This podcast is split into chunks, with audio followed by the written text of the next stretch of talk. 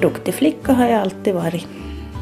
Från lill. Jag skulle kunna allting själv, direkt. Men det tog ju 28 år till arbete upp. nu har jag ju bara arbetat i sex år med att inte vara så duktig. Det är svårare. Det säger Maria Forslund som ni nu ska få höra i ett samtal om livet. Och jag som har gjort programmet heter Ann-Sofie Sandström. När jag för ungefär ett år sedan hade skadat mitt ena knä gick jag ett par gånger på fysioterapi på hälsovårdscentralen i Nykarleby. Det var så jag först kom i kontakt med Maria Forslund. Jag minns inte när eller hur saken kom på tal, men jag fick veta att Maria hade varit sjukskriven en vinter på grund av utmattning när hon ännu inte hade fyllt 30. Hur blev det så? Vad var det som hände? Och hur kom hon sen vidare efter sjukskrivningen? Det här var några av de saker jag hade tänkt att vi skulle prata om en eftermiddag i juni då Maria och jag slog oss ner hemma hos mig för att spela in ett samtal om livet. Ja, kom in! Du, dricker du något kaffe? Jo. Det här är vårt liksom gästhus, fotbollshus, extrahus. Bra att ni har ett extra hus så det man ska jobba i lugn och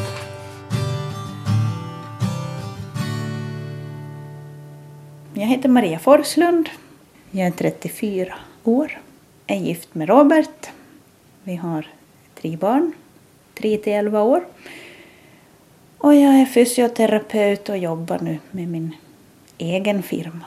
Och vi bor i Nykabi.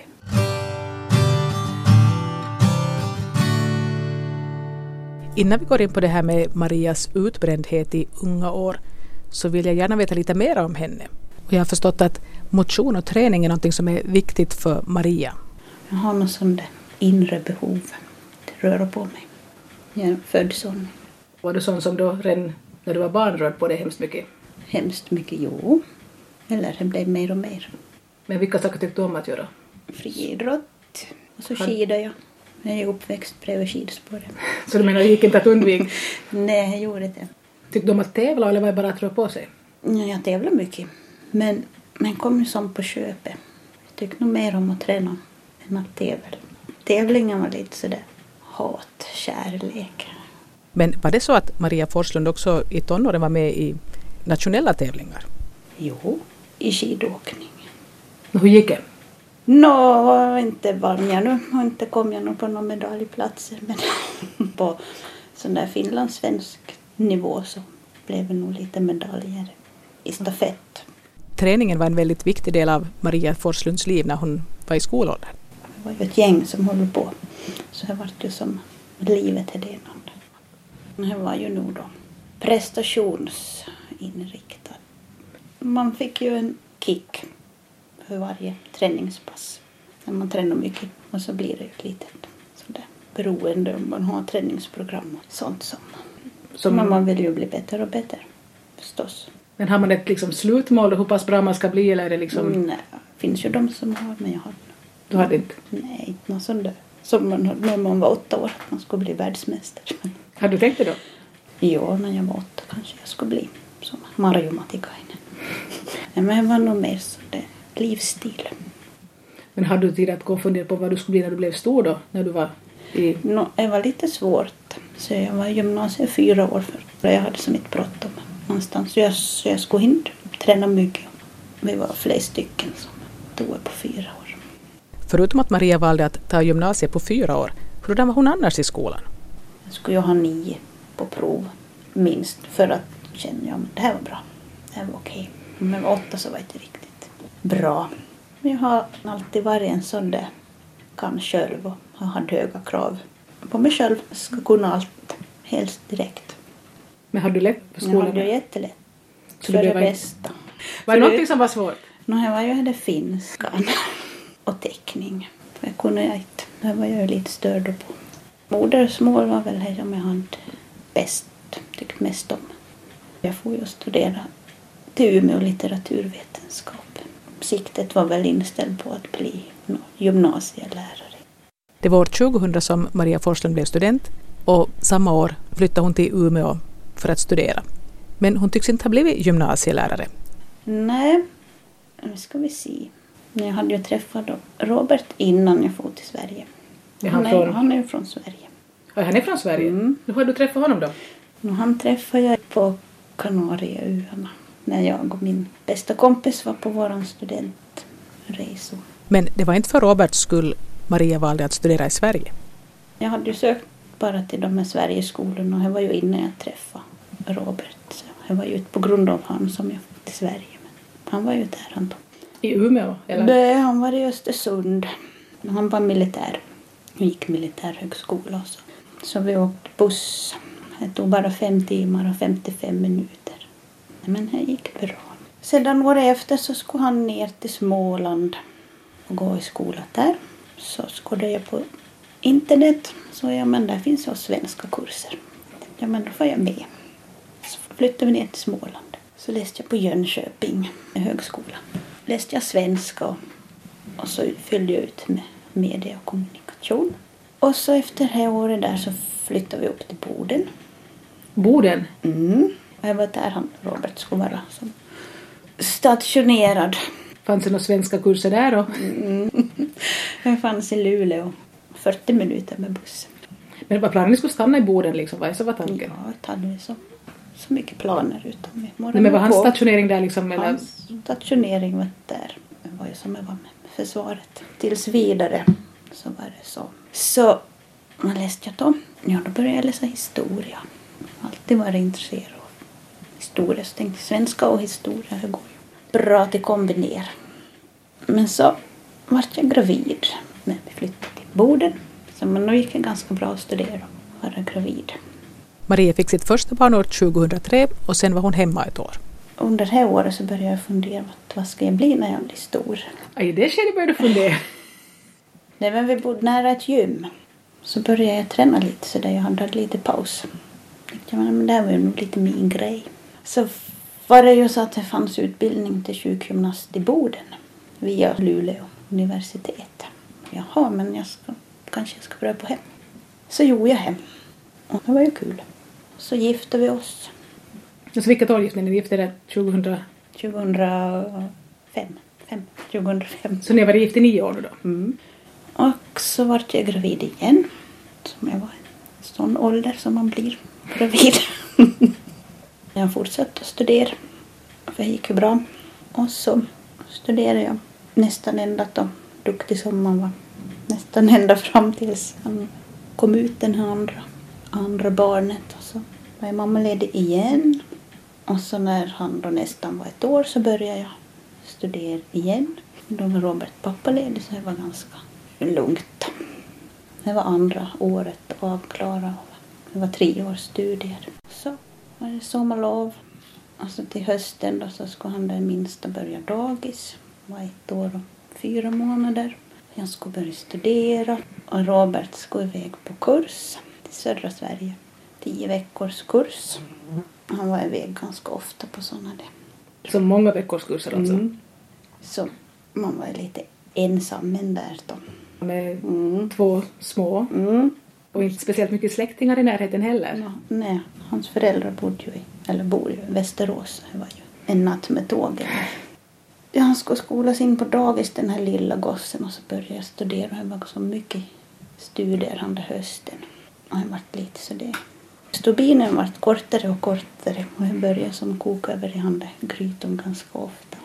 Det var som, du vet en sån där vattenglas som rinner över så det innan hela tiden med stress. Så det så svämmade över. Det var som inte bara pluff. Och ja, men allt vart ett enda kaos. Och så. Det var tio veckor. Som han var bort och du Ja, hade... han kom ju hem på helgerna. Men, det var långa dagar. Vi steg upp sex. Bussen for sju. Så skulle den till dagis först. Och så. så var jag till skolan och så kom jag hem och så hämtade jag barnen och så skulle det kokas mat och det skulle göras allt. Och så skulle man få dem i säng och han det minsta ville inte sova nå. Och så när han somnade så var det de här ogjorda skoluppgifterna man skulle försöka göra upp. När man gick och sov så vaknade han det lilla. Eller han var ju orolig säkert för att jag var som lite sådär i obalans. Så vi sov inte så mycket. Men alltid när väckarklockan ringde sex så då sov man ju. Men det vart lite mycket. För att man, man måste ju laga ordentligt i skolan. Det går ju som till göra något annat än sitt bästa. Så halvbra skulle inte ha liksom varit en möjlighet? Inte ännu i det skedet. Och så blev det höst, höst, det varit mörkt. Robert kom väl hem från sin kurs och så skulle ut på praktik. I verkligheten och så fick jag en sån handledare som jag inte kom alls överens med. Och det var det värsta jag varit med om. Åh, men jag kämpade på. De sa från skolan att om inte passar med era handledare så ta kontakt så kan ni byta. Men nej, men inte kan man vara så värdelös. Så. Hur länge skulle ni ha den här praktiken då? Jag minns inte om det var åtta eller sex veckor. Och du märkte genast att det här inte funkar? Japp. Hon var jätteduktig på säga precis allt som man gjorde fel. Bara sån där negativ feedback.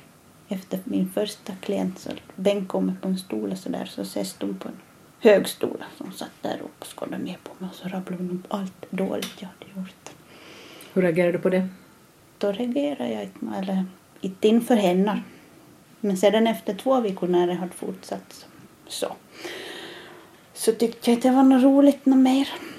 Så då bröt jag väl lite ihop sådär. Bröt lite ihop? bröt lite ihop och berättade att jag hade en lite jobbig höst och jag var lite trött. Jaha, men om du är så trött så kanske du skulle vila och ta en paus. Sa den här handledaren det? Mm. Vad gjorde du då? bet ihop lite till. jag var bra på att bita ihop. Så tänkte jag, nej, inte gör jag henne. För i det skedet så hade vi nog börjat fundera att vi skulle flytta tillbaka hit. Så om jag skulle som ta paus i de här studierna så skulle jag bli uppskjuten. Och det hade jag inte någon lust med. Och så ger man ju inte upp heller. Det var ju som så nära att det var ju, det var ju bara ett halvår kvar. Det tog så där, dag för dag. Nu ska det väl gå på något vis, tänkte jag. Och nu gick det ju till slut. Skrev examensarbete. Fick ju VG, fast det skulle ha gått lika bra med ett G. För vem ska det på henne om man söker jobb? Men det var ju som för sent att fatta dem. Det var mycket grupparbeten i handelsskolan och jag hatar grupparbeten för att då är man ju som utsatt och har inte kontroll över situationen och med dessa slarv. Så där. Du menar att andra var inte lika liksom inställda på att få toppresultat? Nej, det- no, vissa fanns. Men inte så... Det var ju, man är ganska sådana där prestationsinriktade människor som blir sjukgymnaster av någon anledning. Men då var det lite tävling sådär sinsemellan och allihop skulle ha den där kontrollen och det skulle göras som på allas sätt och vis. Men då, då började jag lite bara, nej men skit i det här, göra som ni vill. Nu orkar jag något mer. Och det gick ju bra och jag lärde mig nog lite, lite gen i kurvorna utan att världen gick under. Men du trott att världen skulle gå under därför om inte. Nej, jag trodde det. Så inte ens fast du var jätte, jättetrött och nästan inte, och inte fick sova alls tillräckligt och sådär, inte ens då kunde du tänka dig att liksom börja ge in? Inte då ännu? När du, Nej. nej. Men jag måste ju ha kontroll över att jag kunna, jag skulle kunna. Kontrollbehov över allt och alla.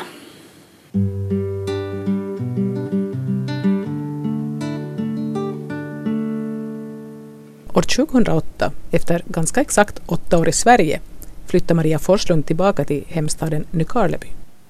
Det var faktiskt Roberts idé. Jag minns vi var ute och gick, om det var en sommar eller ett jullov när vi var. Han sa, undrar hur jag ska vara till bo här. Så tänkte på det helt från vettig. Kan man bo i Nykarleby? Du hade sagt att du skulle inte komma tillbaka när du en gång for. Inte hade jag sagt sådär att jag aldrig skulle komma tillbaks men inte hade jag riktigt nu tänkt att jag skulle komma tillbaks. Jag hade tänkt så noga. Och så började jag tänka att nu kanske det skulle vara skönt. Tänk om man skulle få barnvakt en kväll i veckan, någon gång. Om man ska göra något. Det skulle inte vara helt fel. Så bestämde vi att vi skulle flytta hit. Robert fick jobb före mig. Inte hade jag något jobb. Jag, jag tänkte Men han fick knappast jobb som militär. Nej. Nej, han började på lagmansgården. Jag var hit på praktik som, samma veva under där hösten när det var lite jobbigt. Så fick jag komma hit i två veckor och det var ju jättetrevligt. Så jag lämnade familjen i Boden så jag var här själv och tyckte det här var ju nice. Fick man andas lite. Och så blev jag någon tjänst ledig här på HVC. Så sökte jag han och så fick jag då läsa ett vikariat över sommaren. Då tar vi hem. Så Jag fick examen på torsdag. Så packade jag på fredagen och så for vi med flyttbilen på lördag. Packade ur bilen på söndag och så började jag arbeta på måndag. Heltid. Tänkt heltid är ju som bara halvtid för man behöver som inte göra några läxor på kvällarna. Så körde jag på här hela sommaren. Jag var lite sådär seg. Det var som inte så roligt det här livet som man hade kanske tänkt att det skulle vara. Så hade vi ett hus då som vi började renovera lite sådär på kvällarna. Men det skulle som vara roligt, det skulle inte vara jobbigt men det var lite jobbigt. På jobbet var det lite jobbigt. Man har lite krav på sig att man ska kunna allt. Och så ringde de från ett annat ställe och funderade om jag skulle vilja komma till och jobba till hösten när de hört att mitt vikariat tog slut. Så jo, men bra, tid vill jag komma. Så jag tänkte att jag skulle ha två veckor ledigt efter det här vikariatet i Nej men, nej, men du måste börja första september. Vi har inte tid men att Det, du måste börja då. Så, ja. så pratade jag med dem igen så fick jag slut lite tidigare. Då. Jag fick ha mina två veckor när jag skulle vila upp. Annars skulle jag vara till någon. Men jag började nog arbeta på det nya stället. Jag skulle vara fyra dagar i veckan. Och så är den efter första veckan så nej men det här var inte något. Jag är bara tre dagar i veckan. Så ringde jag och kollade om kan jag vara bara tre dagar i veckan. Ja, nu kan du det. Det gick inte ut. Det var som så trögt. Så hjärnan funkade inte. Man satt och pratade med folk och man som såg att munnen rördes men förstod som inte vad de sa. Det var ju lite jobbigt eftersom man skulle höra på folk vad de har till berätta när man jobbar. Och jag förstod som inte någonting. Jag skulle boka in några tider i datorn som satt en kvart och funderade hur ska jag lägga det här nu så det blir som allra bäst. Det var så svårt allt. Och jag hade ju ett eget rum och jag skulle laga något gympaprogram. Jag hade ut mina mattor på golvet. Jag, jag ligger och, och gör ett gympaprogram. Jag undrar om någon märker om jag vilar lite på samma gång. så tog jag och försökte vila lite då. Så det två minuter men då kan man ju vila på jobbet heller. Så det pittrar ju bara i kroppen. Och så upp och så tänkte jag men det här var ju inte något. Så hur ska jag göra nu då? Att man ska som gå till läkaren och säga att jag är trött, jag orkar inte mer. Det är ju som att då ger ju jag upp.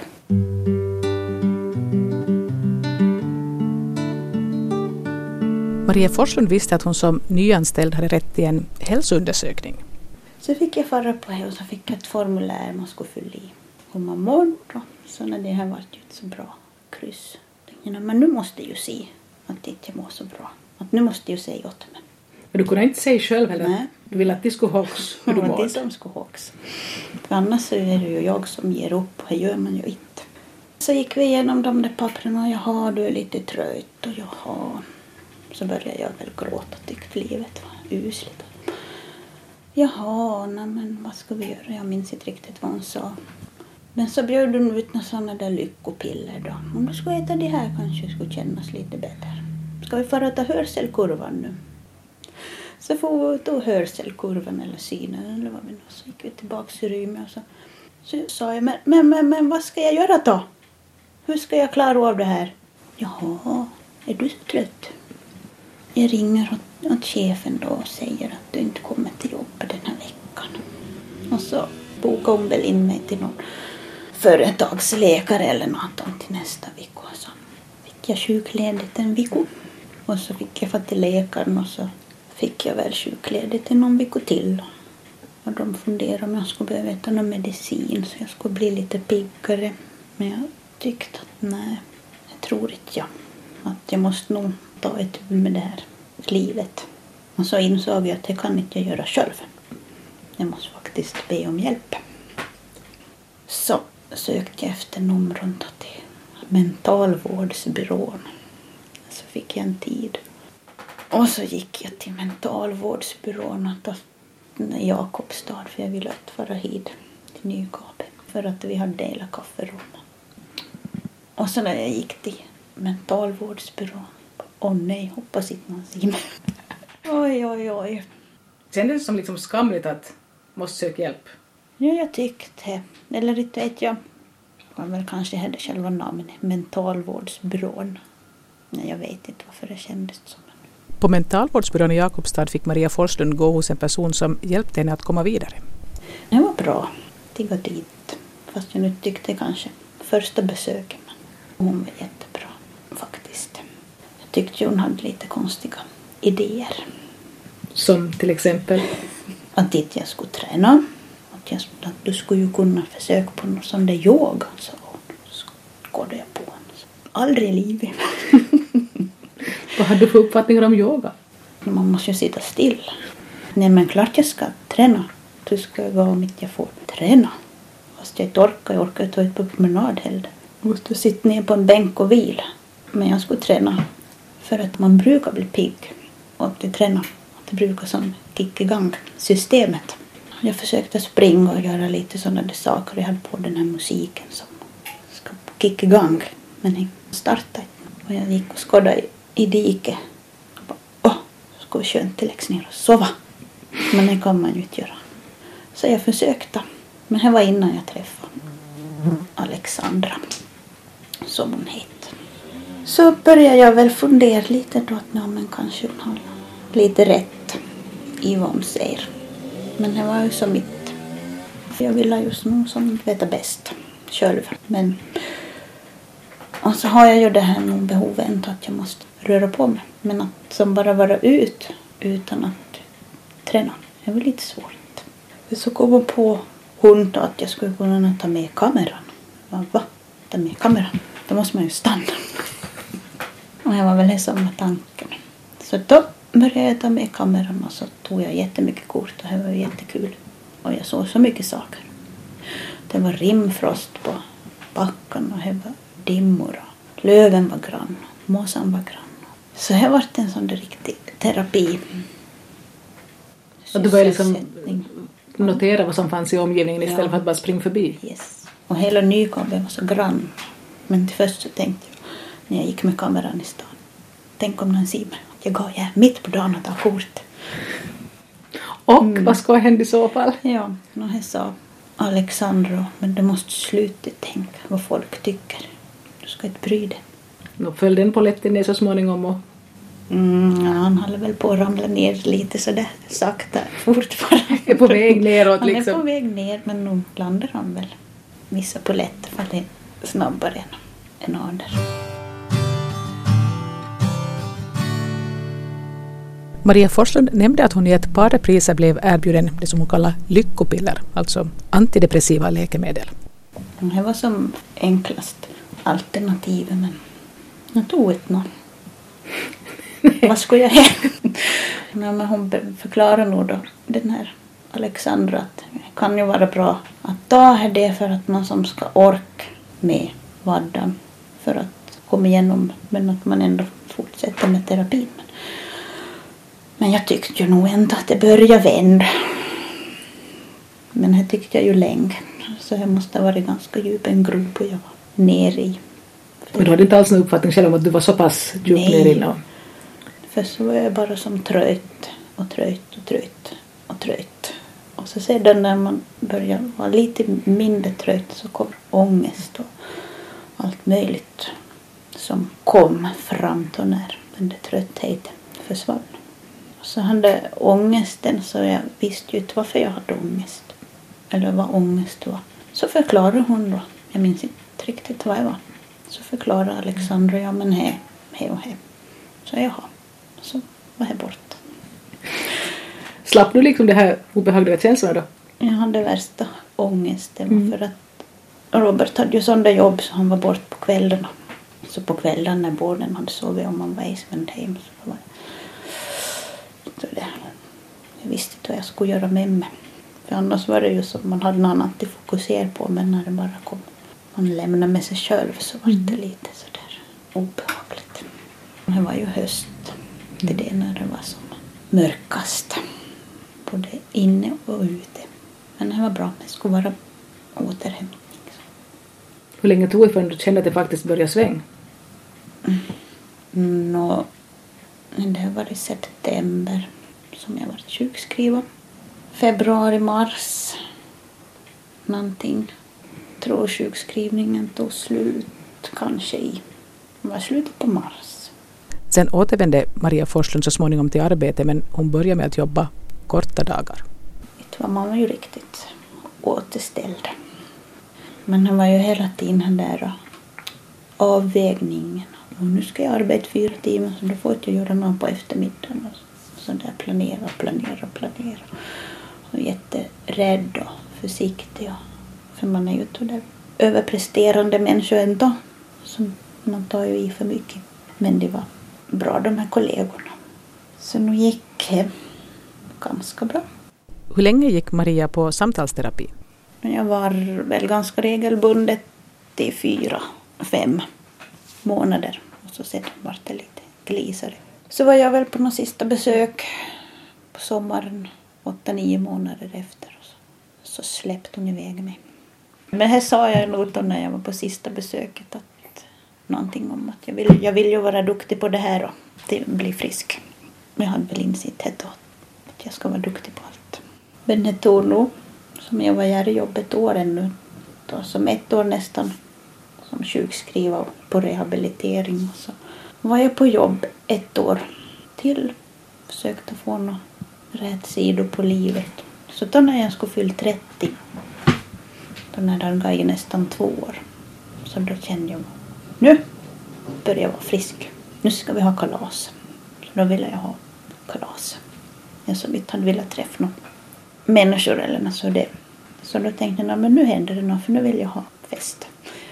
Så sen så har det väl varit ganska stabilt.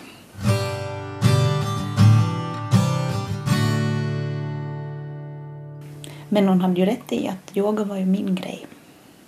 Så du blev intresserad av yoga så småningom? Men då har jag ju börjat. Jag gick på pilates då på våren när jag var sjukskriven men det var ju så på, så där på gränsen. Nu var jag ju lite slöt. Men jag var ju, skulle ju göra allt som jag skulle göra. Så jag gjorde ju hem. Så började jag på yoga sedan. Och det var ju bra. Men det var ju också, blir ju en sån där, är ju en sån där prestationsyoga. Det är ju inte en sån där meditationsyoga som jag skulle behöva på. Utan det är ju mer den fysiska. Men kanske det kommer till meditation.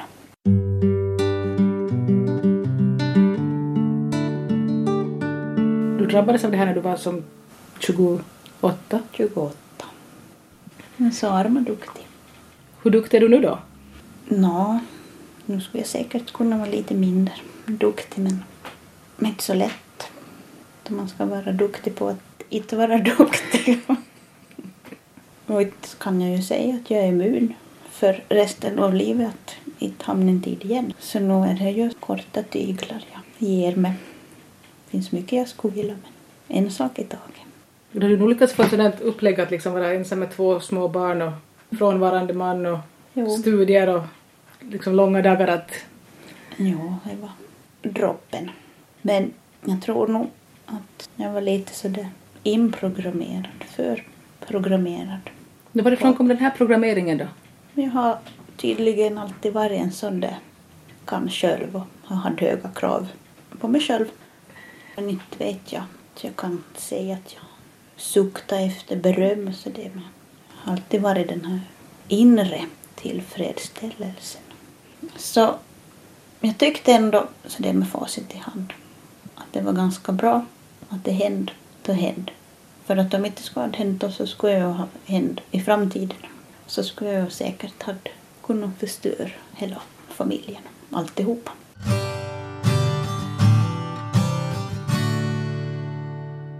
Men hur förhöll sig liksom maken till att du var så där himla trött? Han är bra. Så det gick. Men han pushade inte heller på i den riktningen att du skulle liksom ta och försöka broms? Nej, men inte berättade jag ju riktigt. Men inte gav jag som till förklar heller åt någon. Jag gav inte berätta åt någon annan heller att nu ska du ta det lugnt. För men man kan ju försöka. Nej, man kan försöka. Men då är det så mycket annat som är viktigt så det går inte. Jo, bara jag ska det här först. Mm, först sant jag har gjort det här så då kanske jag ska ta det. Då går världen under om jag blir sjukskriven. Men världen gick inte under? Han gjorde ju det.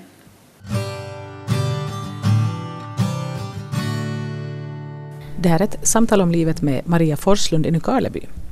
När hon var 28 år var hon utbränd och sjukskriven en hel vinter. Och Då gick hon i samtalsterapi och kom på att en del av problemet var att hon alltid har velat vara så himla duktig och haft hårda krav på sig själv. Så jag frågade henne om hon då när hon gick i skolan var en sån som visste allt och alltid markerade och ville svara genast när läraren frågade någonting. Som markerade först och Nej, jag markerade ju inte. Om inte jag var bombsäker på att jag kunde. Men jag kunde allt och oftast om det var någon sån där diskussioner i klassen. Det var si och det var så. så. Saker som inte visste, men jag visste. Men jag behöll det som för mig själv. Men vad skulle jag våga säga? Så då satt jag där och var tyst och nöjd med att jag som visste. Det var den där inre tillfredsställelsen. Inte just det som ni brukar beskriva som det här, det här snälla flickornas mm. beteende. De, liksom, de kan en massa men de mm. gör inte några väsen av sig medan pojkar som är högljudda så de... Skränar och vet inte. Ja, just De är inte rädda att säga fast de inte vet. Nej, så det var som inte någon sån där besserwisser fast jag visste. Inte vet jag varför jag varit så. Nu har jag varit lite bättre. Som du vet så säger du? Ibland. Ibland så nöjer jag mig med att jag vet. det finns ju sådana olika människotyper. Man är kinestetisk, sån som tycker om att röra på sig, som jag. Eller auditiv, tycker om att prata, hörs mycket, uttrycka sig. Eller visuell, som har den här blicken som ser saker och ting. Man... Den blicken tycks du ha fått när du var ute och fotograferade. Mm, då fick man. har varit lite för bra då. Jag har varit lite sådär prestation i Inför dig själv?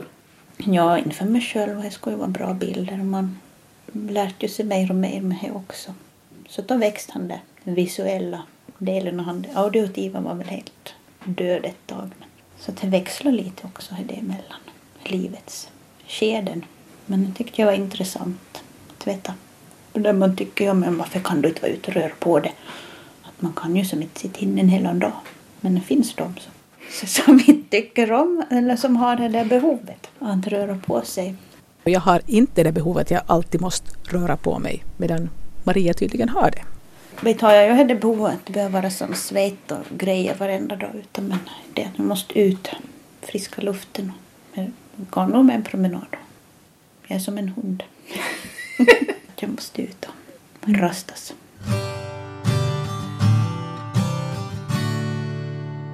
Maria Forslund var utbränd när hon var 28 och nu är hon 34. Hur skulle du säga du mår nu? Jag mår riktigt bra. Kanske så bra som man kan må. Inte vet jag vad toppen det visar sig. Men, men det känns riktigt bra.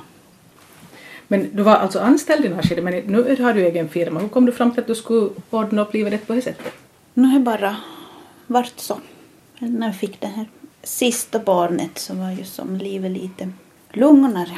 Man var ju lite lugnare själv. Och jag var hem, bestämde jag skulle vara hem länge. För inte hade jag ju någon fast tjänst eller något och det är ju inte någonting som jag har tyckt har varit målet med livet att få en fast tjänst och så jobbar man där tills man är 65. Och så började jag nog fundera förra våren. Eller nu har jag väl alltid haft någon tanke om att jag har ju ett jobb så att jag kan ju vara min egen. Så var det förra våren, när hon var ett och ett halvt, den här lilla, så började jag tänka nu har jag ju bra om tid att ta tag i det här. Jag arbetar ju som mitt, nu jag börjar som mitt vara något. Det är säkert mycket pappersarbete och det som ska göras. Så började vi på fixa allt som skulle fixas och det var inte så mycket egentligen eftersom det inte var något bråttom eller så det. Så tänkte jag, jag prövar nu då sista året jag är som på vårdledigt att nu måste jag väl vara till pussel. Det gick rätt så bra. nu på våren var det lite bossut men det gick. Det var ju hur, som begränsad tid. Men hur lyckas ni liksom pussla med det här då att tre barn, två personer som jobbar, jobbar han fortfarande att han har jobbat kvällstid eller jobbar med annat nu? Nu jobbar han på Mirka. Så han har varannan vecka kväll och varannan vecka förmiddag. Jag jobbar förmiddag när han jobbar kväll.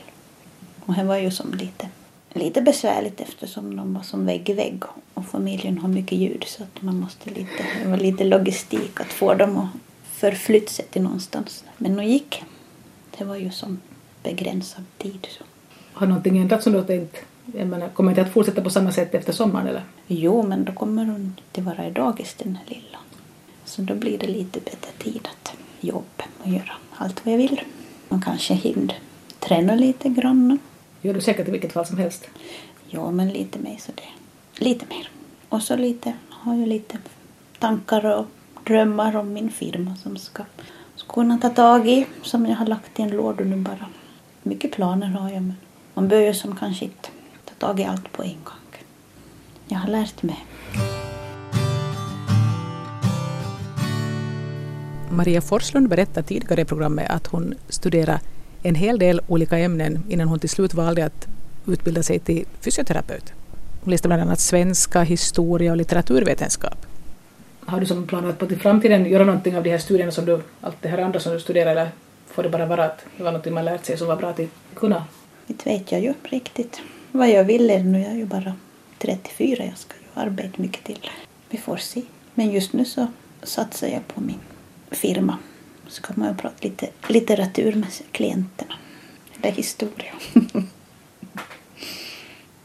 Vad tyckte du att du lärde dig av det här djupa hålet du hamnade i när du liksom faktiskt hade lagat dig så totalt slut att du var sjukskriven länge? Vad jag lärt mig? Oj, då lärde jag ju mig mycket. Framför allt att inte man behöver prestera på max hela tiden och man behöver som inte kunna allt utan att man kan ge in lite i kurvorna och allt behöver som inte vara perfekt. Eller vissa saker kan man ju också vara som lite bättre på och så vissa saker kan man bara vara dålig på. Man måste lite prioritera. Jag brukar, brukar prioritera lite att vara med min familj. Och så kommer väl jobbet till det någonstans. Och så sa han det, allt hemmet, trädgård, allt det Så här får vara. Jag lägger inte energi på att försöka ha tipptopp. Maria sa att hon nu prioriterar familjen. Så jag frågade om hon redan som liten tänkte att hon säkert någon gång skulle ha familj. Ja, det var mycket sån där mamma, pappa, barn, lek.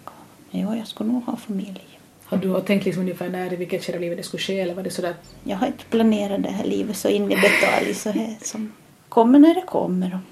Jag tror nog bara min biologiska klocka som har tickat på och skött det familjen.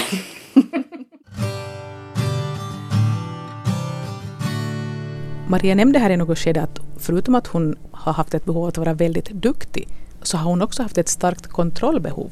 Så när vi nu har pratat ett par timmar så undrar jag hur hon tycker att det känns att hon sen inte har någon kontroll över slutresultatet. Tycker du det känns jobbigt då liksom att du inte har kontroll över det här? Hur det blir?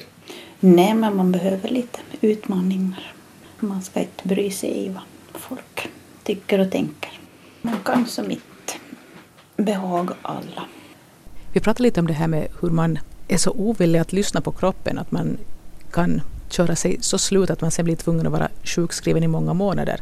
Jag har själv varit i den situationen och jag bara vägrar lyssna.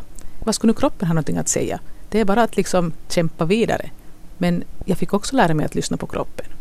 Han pratar hela tiden och nu får jag migrän. Så, då. så, pratar, så anspänning var det att komma hit. Kan du hindra det på något vis på förhand? Ja, starka mediciner som jag brukar ta. Så då brukar jag sova en stund. Men jag sa ju att man behöver lite utmaningar.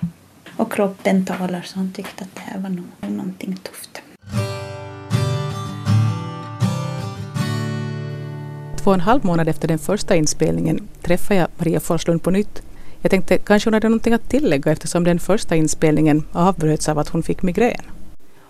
När jag var och pratade med dig sist, eller första gången, så efteråt så kände jag att jag var som lite nog sådär i obalans. Lite sådär orolig och det kom ju mycket känslor upp på nytt som man har lite lämnat bakom sig och var som och grävde i det såret. Så kanske det var sårskorpon som ramlade. ramlade bort så jag tänkte att nej men jag vill ju som inte komma tillbaka till det här till den där situationen med att må så där dåligt igen. Att vad är det som händer? Så jag kände som jag var lite ute och flög. Så jag tänkte jag måste hitta något nytt ankare i mitt liv. Så jag, jag googlade lite och läste på meditation. För det har jag ju, eller de har pratat mycket om det på yoga. Men jag har tänkt, nej men det är inte någonting för mig. Jag har inte tid.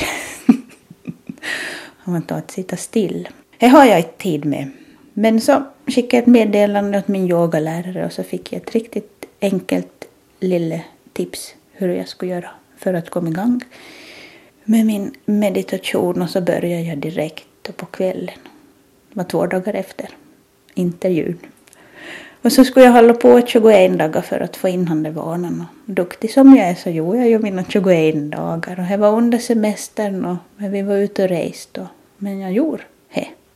Jag kände att det gjorde mig gott.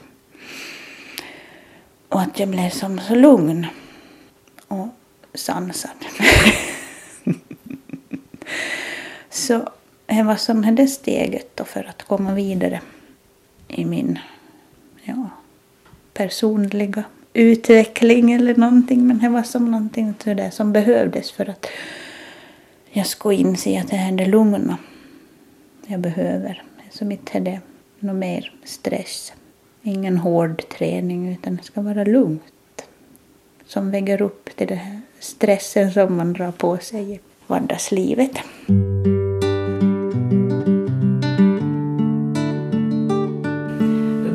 Faktiskt migrän i slutet av vår förra inspelning och jag känner mig lite skyldig att himmel har du gått och spänt dig så för det här nu att du får, får ill till vara liksom att jag känner mig nästan lite sådär att oj nej. Ja, det hade jag ju inte riktigt räknat med. jag kände att det var på något vis fel. Nej, det var inte det fel. Det var nog andra vägen jag skulle gå. För att då hade jag väl gjort det ordentligt då. Alltså det är ju oftast då den här stressen när jag ska göra någonting, vad som helst. Så efteråt, när det släpper, så då kommer det. Så det är lite besvärligt. Men du beskrev det då när vi först spelade in att du har det här behovet att du måste ut och röra på dig, du måste ut och röra på dig. Är det behovet kvar men att du har fått till det här behovet av lugn och ro, att lugna ner dig? Ja, men alltså här är behovet att vara ute och gå finns kvar. Att det är också som sån där slags meditation. Att jag bara går och går. Eh, jag automatiskt så att det är bara som rensar huvudet. Men och jag minns att jag sa att jag skulle börja träna så mycket nu i höst igen. Där jag skulle få lite mer tid. Så jag har varit och prövat träna lite men det känns som så fel. Motsträvigt. Kroppen som han vill lite. Bara tar sjukt. Så fick jag faktiskt migrän efter att jag var och tränade nu sist. Så jag tänkte nu ska jag ta en paus från sånt där hård träning. Min kropp behöver inte det. Och här jag kommit fram till. Jag lyssnar. Och jag ser fram emot att få ses ner och ta mina andetag och göra den här lugna yogan. Fordrar du på något visst ställe eller kan du göra det var som helst? Jag börjar ju stänga ut familjen. För jag vill ju det ska vara tyst men annars så kan jag göra vad som helst. Jag gjorde det på båten i somras som hos svärföräldrar och med villorna. Jag är hem efter att allihopa gått och sova. Ibland kan det ta ganska till sent på kvällen men det säger ju man ska göra på morgonen, de som vet. Men jag gör som jag vill. Så har du nu blivit jätteduktig på det här med meditation? Nej, för att ibland så fuskar jag faktiskt. För att jag behöver inte alltid vara så, så duktig. Så vissa kvällar lämnar jag faktiskt bara i tv-soffan och glo. Just för att jag tycker att jag inte behöver vara så duktig. Men att nej, jag kände bara hur som jag landar. Samlar ihop alla tankar och det känns som så skönt.